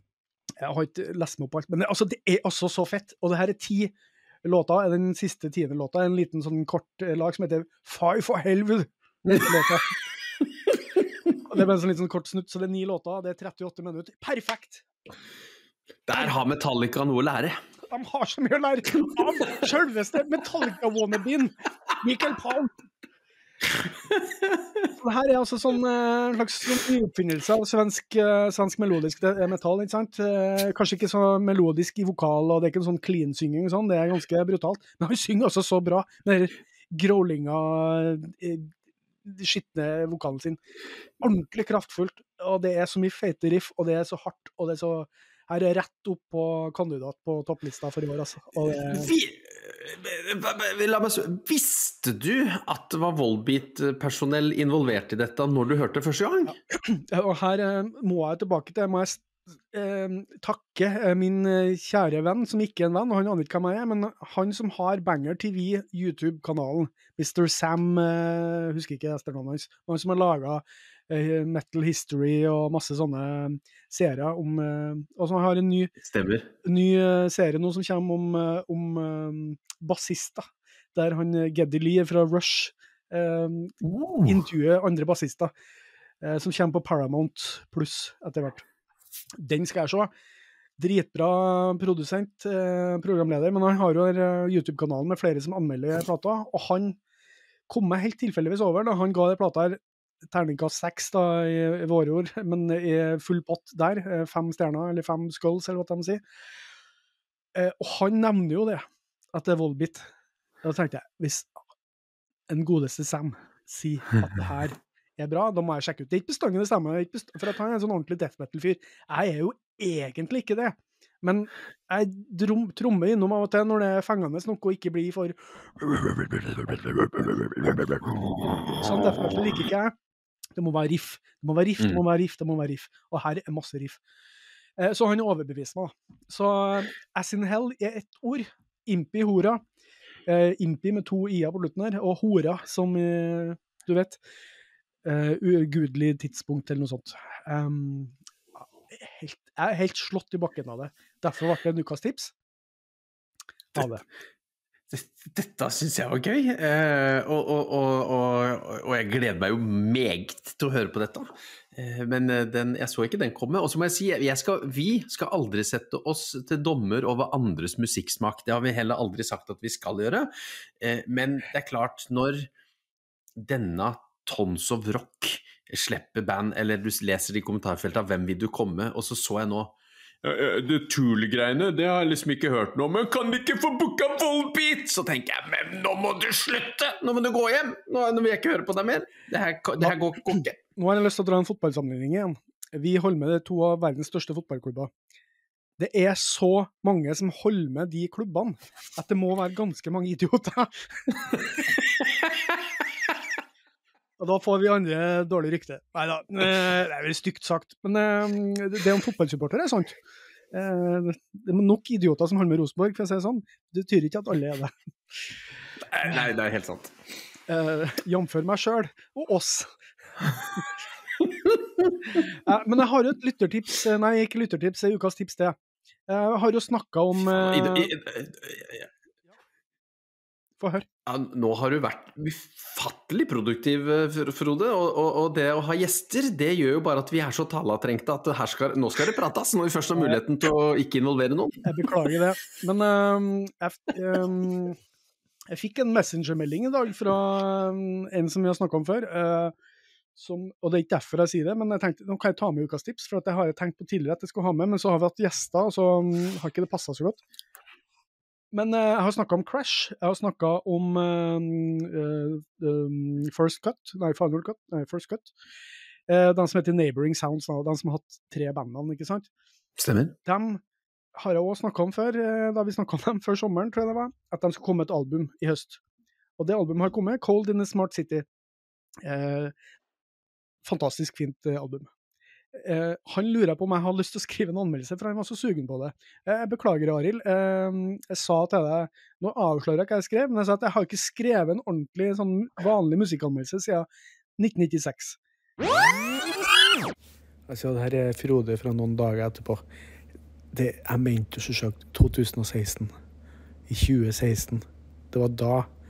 Jeg har ikke skrevet en ordentlig musikkanmeldelse siden 2016. Ikke 1996. Huh. Men jeg, jeg sa at nå er det årslistetid snart, så kanskje det blir noe skriveri av det. Men eh, det kommer ikke til å bli en full anmeldelse, for det orker jeg ikke. Eh, bruke for mye tid på disse greiene her, og andre ting. Eh, Men jeg kan si at eh, Neighboring Sounds, Cold in a Smart City, perfekt for deg som eh, kan like melodiøs alternativ rock med mye snev av emo. Eh, det her er mm, godt nikk tilbake til 90-tallet. Det soundet er akkurat det samme som jeg har hatt hele tida, som jeg liker så, så godt. Um, har fått veldig gode kritikker av andre ute i verden der, um, fra både altså over i kjølen eh, og mm, to kjøler. Ja, ja. Og det er ikke så rart, for at her er alt som eh, folk i verden liker med den type musikk. Og det er òg fortsatt musikk som vokser på det, og som blir bedre jo mer du hører på det. Eh, og um, det her er skandinavisk emo på sitt aller, aller beste. Så eh, hvis jeg skulle skrevet en anmeldelse, så ville jeg sagt ternekast fem. Noe av det beste du får av skandinavisk emo i 2023. Det kan du sitte her med på, Arild. Det kan de Eh. skrive sånn bakpå, de klistrer på sånn liten klistrelapp, for de selger sikkert LP, ikke CD. Så kan de klistre det på. Eh, akkurat det utsagnet. Hilsen Frode. Det er helt greit. Så den skal dere få. Bare sitter med. Eh, hilsen Lars og Frode, snakker om musikk. I hvert fall han Frode. Lars og Frode snakker musikk. Jeg har ikke fått hørt den nye plata, men dette er jo noe av den største musikalske gleden jeg har fått de siste åra, nemlig at du, Frode, eh, du la meg til den der vi har snakka om før, Ja. Emo-tirsdag-gruppa på Facebook, eh, og så har jeg, og du har kommet stadig med små drypp og tips om bands i dette sjangerbeltet, og jeg har begynt å høre på det, og det er altså så deilig, deilig verden å bevege meg rundt i. Og så har jeg ikke hørt så mye at jeg akkurat husker hvilket band som ga ut hva, men jeg bare setter det på og nyter det. Eh, og Neighboring Sounds har jeg faktisk hørt en del på, de er dritgode. Det er sånn, eh, da jeg, kom, jeg kom over det her da jeg hørte The Hotelier første gangen, og så kom jeg over den eh, gruppa, så 100 stykker som var med der, og så kom jeg inn og Er det noen som har hørt om The Hotelier, eller? Ja, dritbra. Og så bare Ja.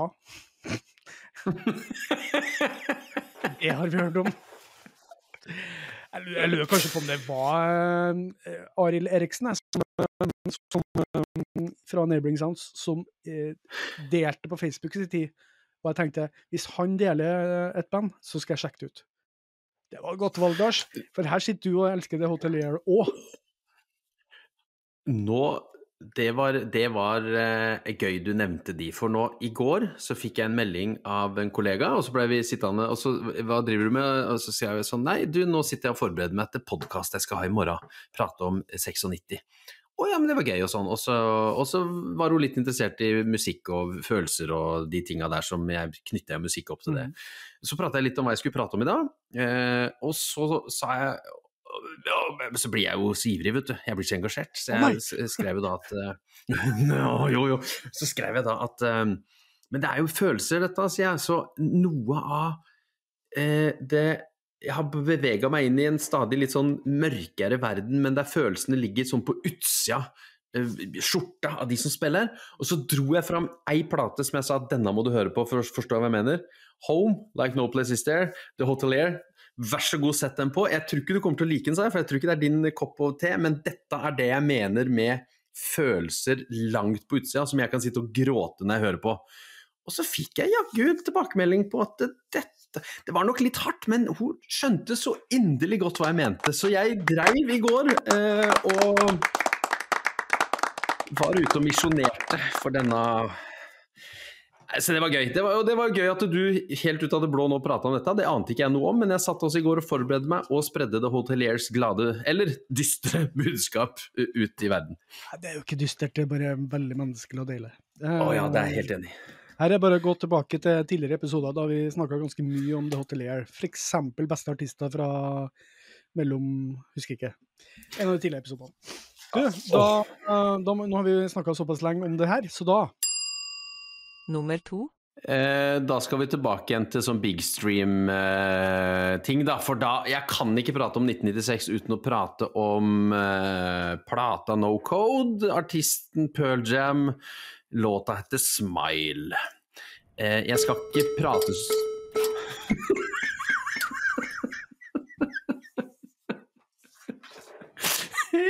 Det var gøy!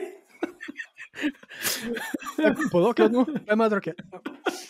Ja, Pearl Jam, ja. Pearl Jam. Eh, jeg, jeg, ja, kan det, kan hende det fins folk der ute Nei, alle, alle veit at jeg liker Pearl Jam, og jeg beklager at det kom inn på det, men jeg skal bare prate litt kjapt om dette, fordi at No Code det er en litt sånn hemmelig plate for, eh, for mange, og det er kanskje litt sånn i min verden oversett-plate.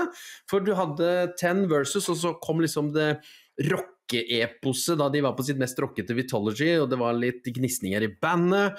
Eh, og så var de i 95 så ga jo Pearl Jam ut eh, Mirrorball som backingbandet til eh, Neil Young. Eh, Og så ga de ut EP-en Merkin Ball, som var Pearl Jam med Neil Young. Eh, Og så og da har de tydeligvis fått litt sånn der country-ånd, eh, litt sånn støyrockete country-ånd, og, og, og noen nye impulser enda nærmere på livet, da. Så No Code, den er jo eh, den- er jo så annerledes enn det Pearl Jam har vært til da. Det er liksom det første lille dryppet på at Pearl Jam er noe mer enn bare litt sånn uh, halvstøyet uh, grunge-klassisk. Uh, og den, den Jeg har alltid tenkt at den ikke er så god, og så har jeg hørt Jo eldre jeg har blitt, jo mer hører jeg på den. Og jo bedre syns jeg den er, for det er en nerve i No Code som ikke du finner i noen av de andre platene. Og i dag er ikke Smile lenger favorittlåta, men her er vi inne på akkurat det samme som eh, So Much To Say og Dave Matthews. Ved første gjennomlytting så var det låt nummer Jeg vil ha lyst til å si fem, så da sier jeg fem. Låt nummer fem på plata, som stakk seg så ut. Eh, Smile, som bare har en sånn Den er så enkel, repetativ, rolig. Eh, jeg husker jeg satt den sånn 100 ganger på repeat eh, om gangen, og jeg bare, jeg bare jeg falt ned i en sånn smile-gryte. Høsten 96, da er det ei låt jeg forbinder med det, og det er 'Smile' fra No Code. Av en eller annen grunn, for den er på en måte litt sånn usynlig, kanskje kjedelig, men den, den traff bare noe i meg. Noe med den litt sånn Jeg vet ikke om det er country etter, men en sånn rolig balladerock uten å være ballade. Altså, den, den bare den går, rusler og går, og litt, litt i den der Neil Youngske rocke-country-verden. Så plata oversett så til de grader, for der er det altså noen perler eh, som viser en, eh, en helt ny side av Pearl Jam. Låta fantastisk bra, og jeg kunne ikke komme ut hvert årstall vi skal snakke om der Pearl Jam har gitt ut plate, så er My Pledge to Humanity Jeg skal prate om en låt fra den plata. uh, det, det slår meg når jeg hører låta nå, at den har så utrolig deilig lyd. Uh, Ja. Gitarene ligger i to ører, helt ytterst. Og. Hele, hele det albumet der er så godt skrudd. Eh, Og det er ganske kult, for Mirrorball-albumet 95 med, med Neil Young, Mm. Det er det kulest skrudde albumet jeg har hørt i hele mitt liv, men det er så grumsete i lyden. Eller det er så bra lyd, men det er på en måte ikke fintuna. Det Ja, virker ja. som de bare har gått inn i studio, eh, sett på opptakeren, og så bare drar vi gjennom. Ah, godt nok! Vi går videre. Og så kommer dette her, som er mye mer skrudd, men det, det bevarer noe av den derre Umiddelbarheten, ja. Ja, eh, som jeg syns er utrolig flott. Og så er det så stort og deilig lydbilde også på de enkle arrangementene. Så dette syns jeg er eh, Det var en god, god, godt innspill fra en dyktig fyr. ja takk.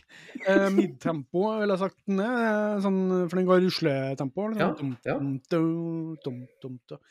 Du, eh, I i 1996, eh, oktober 1996, så var jeg på, på sånn eh, eh, studietur, eller kalt det, med folkehøgskolen til København. Copenhagen. Copenhagen.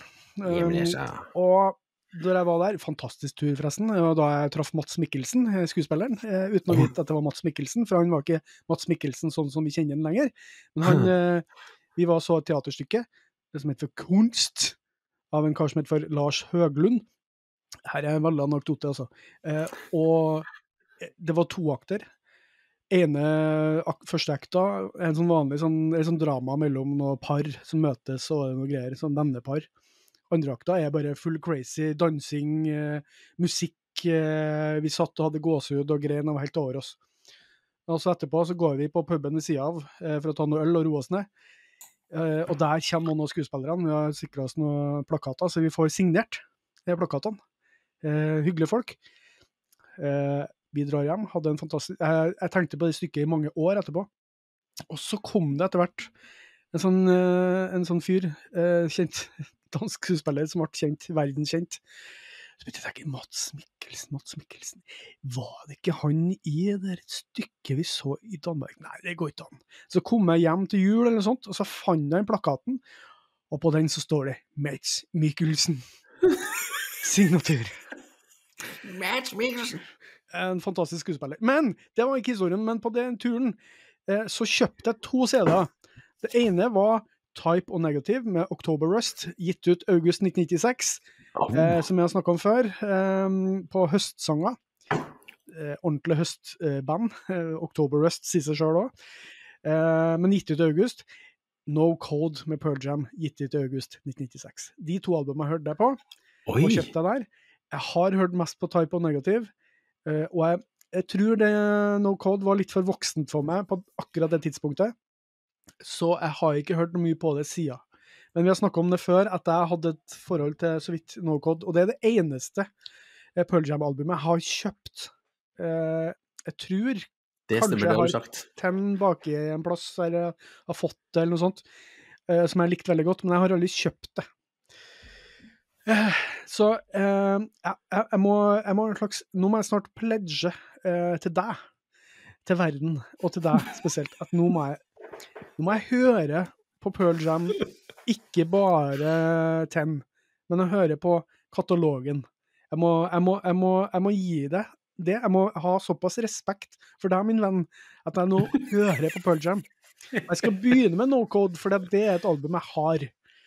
Ja, det er, god, det er en god start. Og jeg må Og jeg, likte, jeg, så skal si, jeg likte så godt at det var så god lyd, for det, Ja. okay, det er en innfallsvinkel òg, det, er det hele. Ja, da kan du ikke skylde på det. Du kan ikke sette på og tenke 'Å, norsk svartmetall fra Det er ikke Ass Åh!» Cobra, liksom.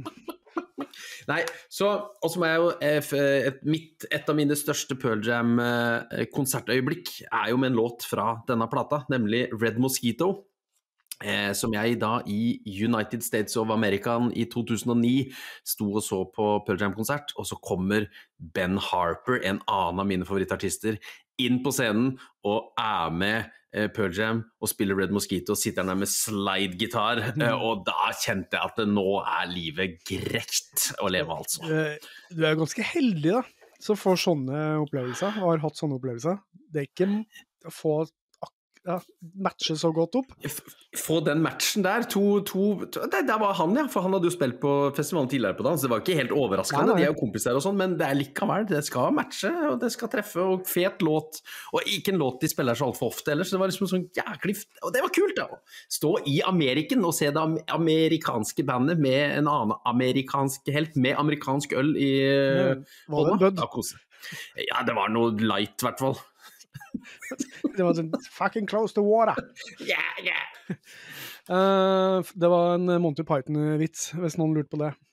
Uh, det var American beer. It's like uh, sitting in a boat. Uh, it's Canoe. and fucking and canoe, ja.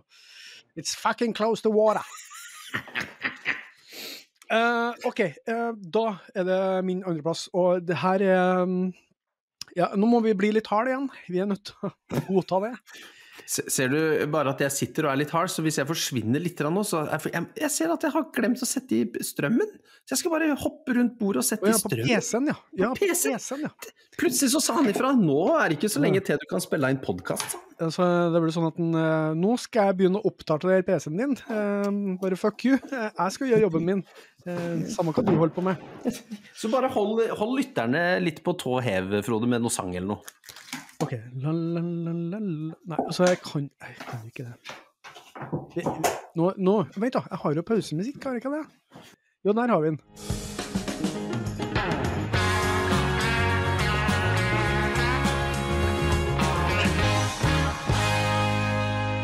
Jeg, kunne, jeg fikk ikke underholdt så mye, men jeg fikk sagt at hm, har jeg ikke pausemusikk, da? Jo, det hadde jeg. Så trykte jeg på den.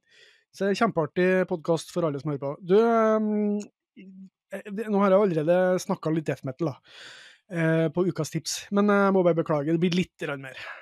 Det er ganske mye, faktisk. Eh, jeg har snakka om Carcass før, og du flira godt da jeg snakka om Carcass, for det var beste album fra 2021, tror jeg. Fordi at eh, de var jo litt kjent for å synge om kirurgiske instrument og gørr og faenskap. Men uh, min andreplass er altså death metal-bandet Carcass fra Liverpool. Og låta 'Keep On Rotting In The Free World'. Fra det litt kontroversielle albumet, kontroversielle albumet Swansong. Jeg valgte jo akkurat den låta fordi at du er Neil Young-fan.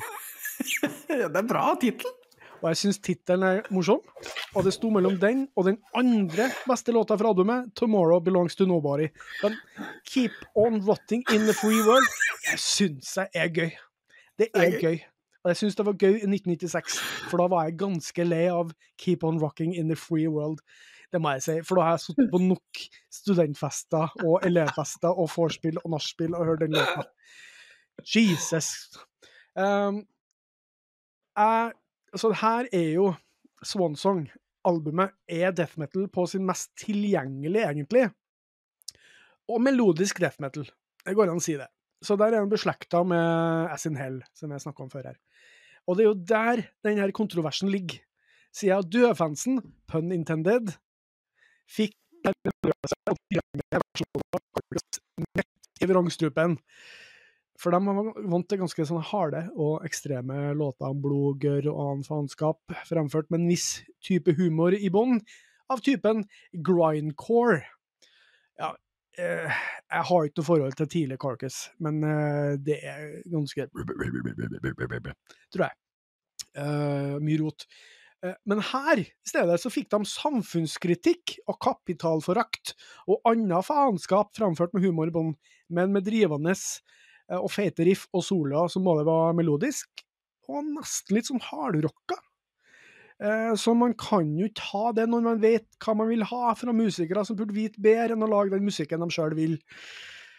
Eh, Hvis du skjønner hva jeg mener. Eh, Folk lager den musikken de vil.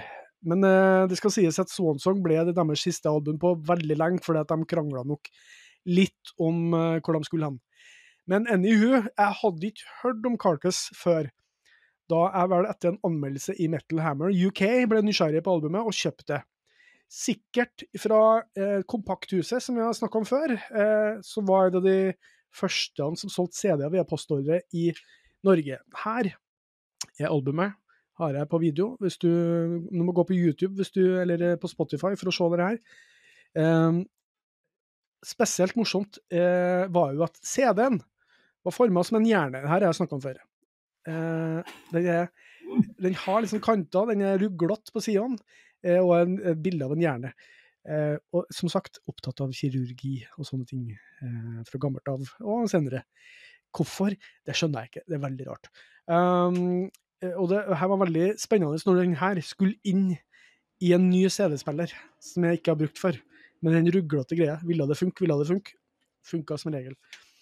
Selve låta, 'Keep On Rotting In The Free World', er jo selve åpningslåta på albumet. Setter standarden umiddelbart. Særs sterk kombo av meget fett riff, medfølgende trommer som går ut i det her midtempo, sånn, nesten litt sånn gåtempo. Og høres nesten ut som en helt vanlig hardrocklåt, men det låter altså så mye feitere og hardere. Og så kommer den her eh, Og det her var stort for meg i 1996, for det, da har jeg ordentlig begynt å gå inn i litt sånn enda litt mer eh, ekstremmetall, men, men her var liksom en sånn hardere og skumlere versjon av Metallica, da, på et vis. For det, da var det gått litt sånn standard i at uh, metallband skulle legge inn mer melodier sånn. Jeg tror det var kanskje det som var greia her, uten at det blir kommersielt på noe som helst vis. Um, og så kommer den herre nesten hvesehviskende stemmen til Jeff Walker inn og framfører en ganske skarp eh, samfunnskritisk kommentar o- overall der. Retter seg nok mot uh, moderne vestlige samfunns kapitalistiske konsumdrevne natur. Uh, nesten 30 år senere, har ting forandret seg? Nei. Uh, nydelig stykke låt, enormt feit lyd. Uh, blant annet signert stjerneprodusenten Colin Richardson, som sto bak utrolig mange bra metallalbum på 90-tallet 90-tallet spesielt. Um, her deler jo så folk eh, som liker Carcass på Metta. Um, noen hater det. Jeg elsker det, og jeg elsker andre Carcass. Jeg liker ett tak bak eh, og framover. Det liker jeg. Eh, så hva som er galt med å ha feite riff, eh, melodiske gitarer eh, og hooks? Ingenting. Så lenge det er ment fra hjertet. Hører dere til Wolbit?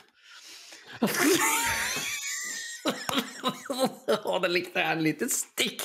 Og de kjenner det, vet du. Sitter, da sitter men jeg altså, har de hørt hva siste leser for det? De, de sa oss, det, det er noe så ikke, Det er ikke godt. Ja. men fanden, der skal ikke starte som band som heter Essen Men eh, eh, jeg syns jo Carcass er gøy, fordi at du har prata om det før, og jeg har hørt litt på det, og det er jo så, de er så sinte. Og og så tenkte jeg bare Det er mye eh, humor. vi- Ja, men det har jo du eh, sannsynligvis tenkt på også. At den, eh, altså Å kalle en plate for swansong, altså svanesang, det, det er jo foreshadowing. Alle må jo ha skjønt idet den kom at nå er det slutt. Yes. Eh, For, for det er jo den døende svanens siste sang etter å ha vært stum hele livet, osv. Jeg, tror, jeg, jeg tipper at de kalte den Swansong etter at de bestemte seg for å gi faen. For de spilte den sikkert inn og tenkte at ja, vi får se åssen det går. Og så nei, her blir det, her blir det brudd. Vi, vi kaller den Swansong. For jeg måtte jo inn og se på nå, det, Alt annet har jo kirurgititler, ja. Det er jo men, Og Swansong. Og det er ingen, eh, så vidt jeg vet, noen sanger om kirurgi og sånn på en eh, plate her, men det er veldig mye samfunnskritikk og ja, ting eh, som er veldig deilig. Og de er jo som sagt fra Liverpool, som er en alltid vært en sosial, eh, sosialistisk by.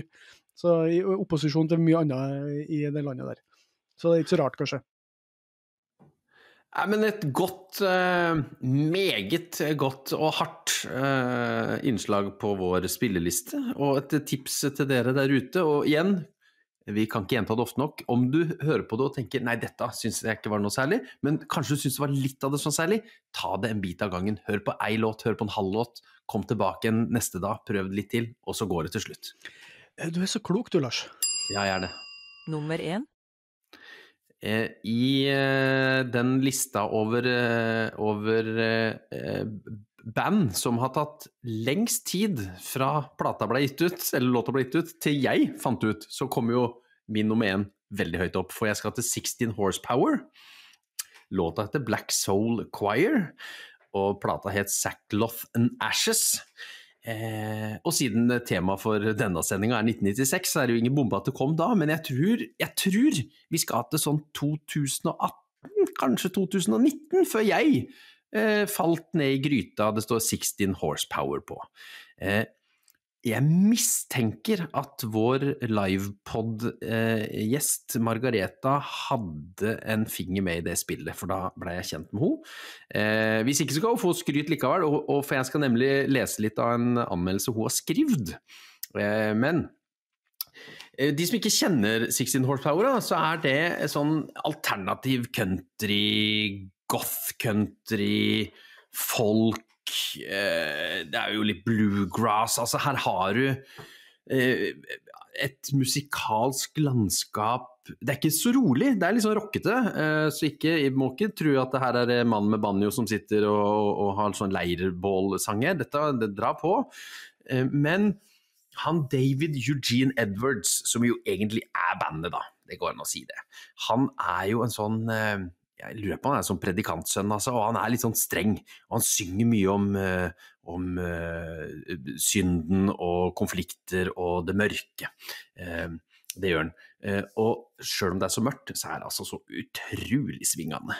Det er jo dans på lokalet og hi-ha og skudd i taket og, og, og damer med sånn eh, så, sånne store skjørt sånn som de har på, på disse husa på westernfilmene. Det er litt sånn jeg ser for meg. Um, det er litt vanskelig å beskrive, for det er, det er et sånt Det er litt sånn sirkus, eh, tivoli med skjeggete aper, nei, skjeggete kvinner og, og, aper med sånn liten fes på huet som skal ha penger. Altså, det, det, er, jo, det, er det, det, skjer så mye i denne musikken, eh, og det er så bra, og det er eh, det er jo han David Eugene Edwards som står i midten, og han har jo nå ikke lenger 16 Horsepower, de har lagt inn årene, men nå har han jo bandet Wovenhand, og han er soloartist.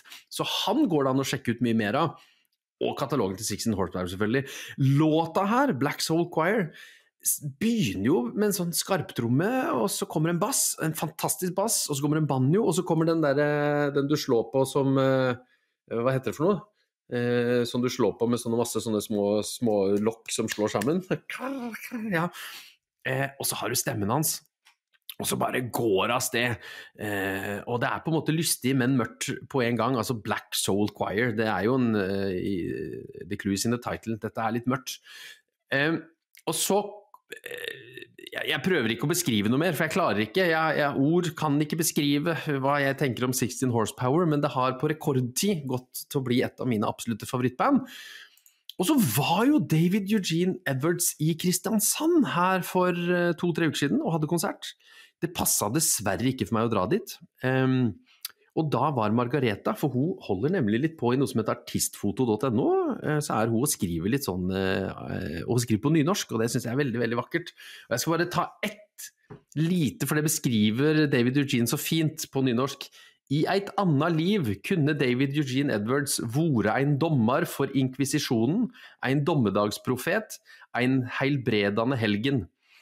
Om røysta hans hadde hatt ein tekstur, ville han dryppa gull, røykelse og myrra. Det er sjeldan vare at ein artist som ikke kommuniserer med publikum ein einaste gong, samstundes fyller rommet så fullt og heilt som han. Han er allmektig og arkaisk, han er den utvalgte David og giganten Goliat på samme tid.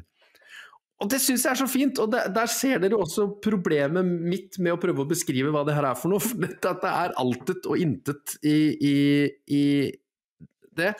Og det var visst en magisk konsert. Um, men altså 16 Horsepower, eh, sjekk ut hele katalogen med en Black Soul Choir fra det som vel faktisk er debutalbumet. De hadde vel bare en EP før den tida. Sackloth, Sackcloth and Ashes er altså magi på høyeste, høyeste hylle.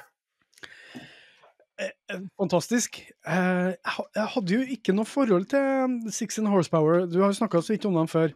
Men det var det siste bandet som var på denne beat nummer tre. Six in Horsepower står der. Oh. og det var òg en Det var samme låta. Jeg var ikke så inne i alternativ country på den tida, men det har jeg jo, kan jeg jo like i ettertid. Jeg, nå, nok en gang må jeg jo jeg blir litt flinkere til å um, høre enda mer på, på det jevne rundt det vi snakker om. Jeg blir så Jeg bare oppdager nye, nye ting. Og så glemmer jeg å høre på det vi faktisk skal snakke om. Får litt dårlig samvittighet. Og, og så får jeg litt til å si at uh, det var veldig fint skrevet. Ja, jeg, dette kan vi dele, for det, hun skriver altså som jeg, jeg måtte jo sende henne en melding uh, og si at det å lese om konserten er jo en like stor opplevelse som det å ha vært på konserten, antar jeg. For det er jo, det er jo som, å, er jo som å lese fløyel. Ja, ja, ja. ja det, det, var nydelig. Og så da begynte jeg å tenke på at um, jeg har jo Jeg har på en måte .no med sånn litt sånn mer som en bloggaktig ting nå, uh, gjort, så at det skulle være litt mer tilgjengelig, for det har vært sånn ymse greier der. Uh, larsogfrode.no. uh, en podkast for deg som Mm. ja. Eh, og der lasta jeg inn mine gamle anmeldelser fra Panorama, bare for å ha det som arkiv, for in, in case eh, det går til helvete med Panorama på et eller annet tidspunkt. Nå har jeg hatt eh, to arkiv.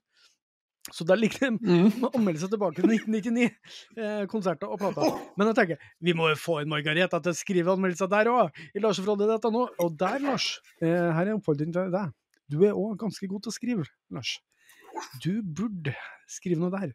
Og vi skal i hvert fall, og det her er en del som du ikke visste om, vi skal i hvert fall legge ut eh, årslista vår der. Vi skal publisere podkasten vår, eh, årets album, eh, sånn eh, juletider etter en gang. Men da skal vi òg skrive om det, og da skal vi legge det ut som en bloggpost der. Så det går an å lese hva vi sa etterpå. Eh, dere hørte det først her, meg sjøl inkludert. Så i år skal vi skrive årslista vår, bare så dere veit det. Det er vi enige om i redaksjonen. Skriver jo hver gang, Lars, så det står ikke på det. Eh, du er jo en, eh, en flink fyr til å ta ting på sparket, men du er òg eh, god med din penn. For at du sitter Takk. og skriver kuleband, sagt. Det, det gjør jeg. Du er jo litt gammeldags. Uh, vi tar ikke den diskusjonen videre. Uh, kjempebra greier, da. Eh, Det er òg litt sånn fra sida. Jeg syns nå har du levert godt på det alternativet. Du kunne ha gått for det mer sånn opplagte 1996. Eh, nei da, det har du ikke. Du har, eh, du har tatt eh, en nydelige alternative eh, innfallsvinkler til 1996 som jeg setter pris på. Og låter som du ikke nødvendigvis hørte på 1996 siden du var en liten fis, da. Helt rett. Så jeg har vekta Pearl Jam mot å dra noe annet litt uh, ukjent opp. Eh, takk for at du, du ga meg skryt, Frode. Og det er jo helt motsatt av det jeg har gjort. Jeg har bare tatt ting jeg har hørt på 1996. For at, men da var jeg midt i mine mest formative år, ikke sant. Da 1996, 22 år, da, da kommer alt. All gets together. Og du, vi, kan, vi kan lese det fra lista mi, hva slags musikk jeg liker, nesten. Men OK. Min nummer én, Lars. Nå, nå blir det en lang en. Eh, jeg har snakka om den før. Vi kan, vi kan ikke for det. Men eh, vi, nå, vi tar reisa vår tilbake. Vi har etablert eh, at i 1996 så pleide jeg å kjøpe musikkmagasinet Beat. Fordi at i annenhver måned cirka kom eh, en CD med, som het definitivt Beat. Det var sju utgaver i 1996, skal sies. Der var det ny og spennende musikk. Bladet var jo som eh, alle i sin sjanger litt kred-nissatt, men eh, sånn var det jo på den tida der, og CD-ene og kvaliteten der var høy. Og oppdagelsesgleden min likeså. Så vi har òg etablert at jeg gikk på folkeskole, eh, og i oktober 1996 så befant jeg meg på Skarnes, bortsett fra når jeg var på Kø i København på skoletur. Eh, I daværende Hedmark, eh, nåværende eh, Innlandet, på folkeskolen Solbakken. Eller Revyskolen, som det het på den tida der. Eh, For at jeg drev på med revy. Ja, drev på med revy! Ja, musikaler og sånn. Så der kommer jeg fra. Eh, vi har en venninne i Ameriken som jeg gikk eh, to år i lag med der, fordi at jeg hadde akkurat begynt på mitt andre år som andreårsstudent. Jeg hadde fått enerom, eh, og jeg har eh, dratt ned eh, og inn, midt etter datidens standarder, enorme stereoanlegg med Denon-forsterker og CD-spiller og Dale-høyttalere. Dette er et stereoanlegg. Jeg brukte dimmepengene mine. Eh, og alt jeg, jeg brukte, Det eneste gangen jeg på vellykka vis har spart opp penger, det var når jeg var i militæret. Og du tenkte hvor lite du får av å være i militæret, så er jo det utrolig. Men du får, du får en sånn viss sum hver måned, og så får du en sånn avslutningssum i 1994 der. Men jeg, jeg sparte så og så mange kroner, hundreløper i måneden, eller hver 14. dag jeg kom inn. På, gikk på postkontoret, satte inn på postgirokonto. Eh, og etterpå, for jeg visste jeg sparer til stereoanlegg. Og det var det som møtte meg på andre sida. Eh, fantastisk opplevelse. Ikke så gøy for mamma og pappa og farmor som bodde i sokkelleiligheten med det stereoanlegget når jeg drev og brente av og gikk hjemme arbeidsledig i 1995 og spilte Paradise Lost og andre ting. Men nå, I digress. Det blir mye lenger enn jeg tenkte, Lars. Um, og det, Jeg brente løs for fullt på anlegget på rommet mitt, så det var jo sikkert noen naboroms fortvilelse der òg. På kiosken nede ved stasjonen på Skarnes så fant jeg da i oktober bit nummer seks til året. Og som spor nummer sju, rett etter Eels sin Susan's House, og rett før, Lars, Midnight Choirs The Ballad of Emma the Loner. Oh. så smalt det ut av høyttalerne en fantastisk låt med masse fuzzgitar og sterk melodi. Og jeg husker at den låta eh, og albumet i selve bladet ble omtalt som meget sterkt, eh, og at det var noe å glede seg til. Og så er det sånn at jeg falt kanskje ikke i pladask helt umiddelbart. Men etter noen gjennomhøringer så sto det jo klart for meg at låta 'Falling for You', og ikke minst bandet Weezer, fortjente en stor andel av mine svært begrensa økonomiske midler, eh, som jeg allerede har brukt opp å gå to år på folkehøyskole, og måtte ta noen dårlige økonomiske valg der, eh, som jeg slet med en stund etterpå. Men det var, så, det var gøy å holde på med det der. Jeg husker ikke hvor eh, og hvilken rekkefølge, men jeg gikk ganske raskt til innkjøp av både Pinkerton, eh, som det her albumet er, nei, låta er ifra, eh, og eh, debutalbumet Weezer, eller Blue Album fra 1994, som jeg så vidt hadde fått med meg Buddy Holly ifra. Her har jeg snakka om før. Jeg vet jeg har snakka om Weezer før, men eh, nå må vi ta runden, for nå er vi på det albumet her. Og fra da så var jeg jo forelska, solgt og fortapt, spesielt i Weezer, men nå emosjonell fuskete hiphop og rock, med ganske såre tekster og store melodier. Vi har jo ikke sittet her, Lars, nå og snakka om The Hotelier, hadde ikke vært for at jeg oppdaga Pinkerton høsten 1996. Bob Mould hadde jo på en måte prima meg på vårpartene for det her. Men uh, det her geekene her, de blottla seg jo ved hjelp av de her metodene til Bob Mold. Eh, og jeg ble vist en ny vei, som jeg ennå ikke hadde gått, Lars. Jeg kunne ha strengt tatt valgt alle de ti låtene på Pinkerton, som ble utgitt 24.9.1996. Men siden det var 'Falling for You' jeg hørte første gangen, så ble det den. Og ikke minst fordi den har alle de klassiske elementene jeg har snakka så mye om til nå, i forhold til fuzz pop og emosjonell eh, altså genuinitet, eh, råhet, alt. Det er midtempo, den òg. Eh, spesielt nok mye midtempo i dag. Og så er det en sånn frenetisk tromming, og det er noe av det beste og mest undervurderte, syns jeg, med Pinkerton. Det er den her deilige trommelyden og den energiske og kreative framføringa til, trommis, eh, til trommisen Pat Wilson. Fantastisk trommis. Jeg skjønner ikke at vi ikke snakker mer om det, men han, han sitter baki der og bare gjør jobben sin. Men han er jo en, han er en ordentlig tullball, som vi sier, Grong. Ordentlig kreativ type som uh, er forundra over hvor eh, disiplinert han er i det bandet der, sånn i ettertid. Rivers Cuomo han synger på låta om å falle for en yngre person, og hvor sårbar det gjør han når han er eldre. Og så er det sånn, da. I 1996, Lars, så var han 26 år. Så hvor gammel var hun dama han synger om da, egentlig? Det lurer jeg på. Han hadde en hangup på asiatiske damer, det lærer vi òg på Pinkerton. Og han er gift med ei japansk dame i dag. Så ja. Jeg skal ikke gå noe lenger med det. Men hele greia på Pinkerton er jo at tekstene til Kumo er jo så ærlig og biografisk. Og han synger om å ha blitt rockestjerne, og leve et liv han har lengta etter, men ikke føler seg så komfortabel med. I tillegg til at han gikk gjennom en operasjon for å forlenge ene foten sin, som var enormt smertefullt, og han stengte seg sjøl inne på et mørkt rom. Jeg tror han mala veggene svart og full pakke. Så eh, klisjéfylt som det går an å bli. Og så fikk det albumet ganske dårlig mottakelse, både kritiker- og publikumsmessig, spesielt USA. For de var jo størst i USA, det er ikke tvil om det. Så her ble jo da låter de ikke spilt på mange år. For han følte jo ikke at de var bra nok. Inntil det da ble en kultklassiker, og absolutt alle snakka om hvor bra det var. Og det har jo inspirert uhorvelig mange i ettertid.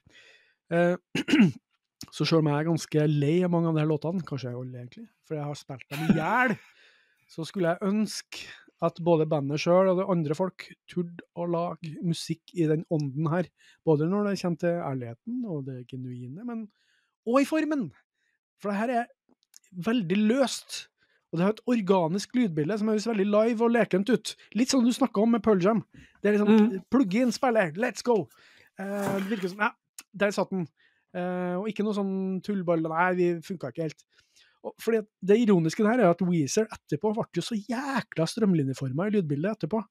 Eh, med noen sånne utslag her og der eh, som var avvik. Men, eh, men ellers liksom bare perfekt produsert, og alt høres riktig ut, og sjøl når vi først opp ordentlig. Men nei, Pinkerton, det var bare Alt bare pøses ut. Ja. Det her er min favorittlåt fra 1996, om noen plutselig skulle være i tvil. Eh, noe jeg tror. Kan du sette på den applausknappen for deg sjøl, Frode? For det styrer bare du. Jeg må gjøre det. Jeg måtte, Lars, jeg måtte bare få det ut. Eh, Kanskje vi Nå skal vi ikke snakke om Weezer igjen før 1994. Nei, men Det er så gøy å høre på deg når du, når du presenterer det som eh, virkelig er favoritt, fordi at du, du går bare inn i en, eh, en transe, nærmest. Og det er så gøy. Så jeg sitter bare og nyter det. Dette er fantastisk. Eh, jeg har jo, eh, det, det har vi også snakka om før, jeg har jo det lille minnet om tidlig Weezer med nettopp låta Buddy Holly som fulgte med på denne EDB-maskinen min far kjøpte via jobben.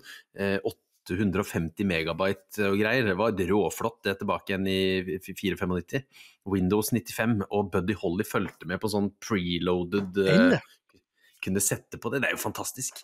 Eh, Likevel så falt jeg av en eller annen grunn ikke ned i Weezer-gryta, for jeg syns den låta, og ikke minst videoen, er jo noe av det kuleste som er lagd eh, til dags dato. Men jeg hadde jo samme greia. Jeg falt jo heller ikke for Buddy Holly når han gikk på radioen baki der og sånn. Ja, det var kult nok, men, men den er jo den er jo litt utypisk for bandet òg, ikke sant? Så at eh, Ja. Men eh, veldig bra låt fortsatt, likevel. Bare litt utypisk.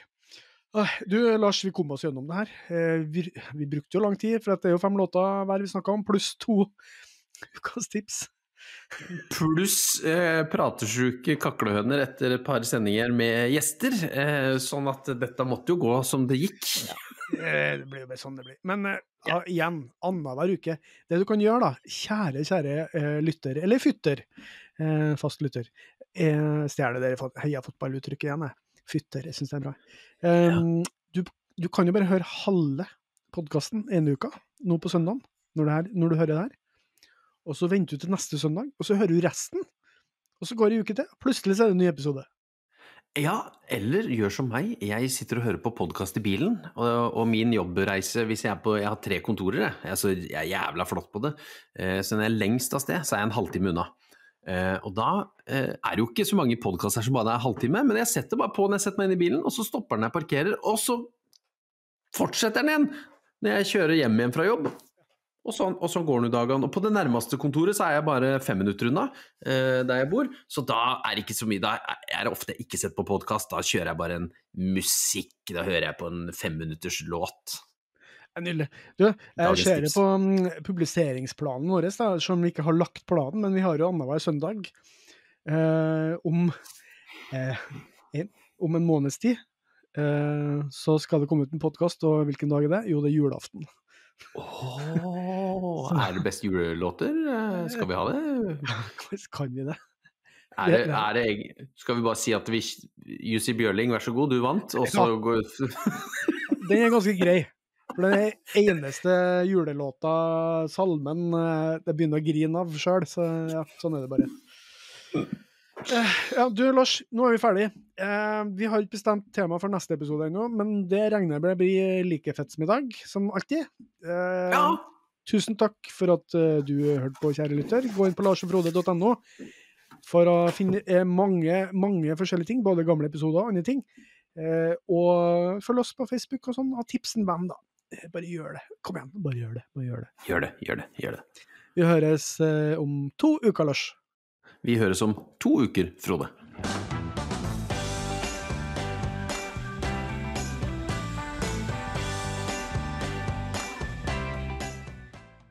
OK, jeg må, jeg må på do. Ja, det er greit, det. Jeg sitter her, jeg. Ja, ja, ja. ja, ja.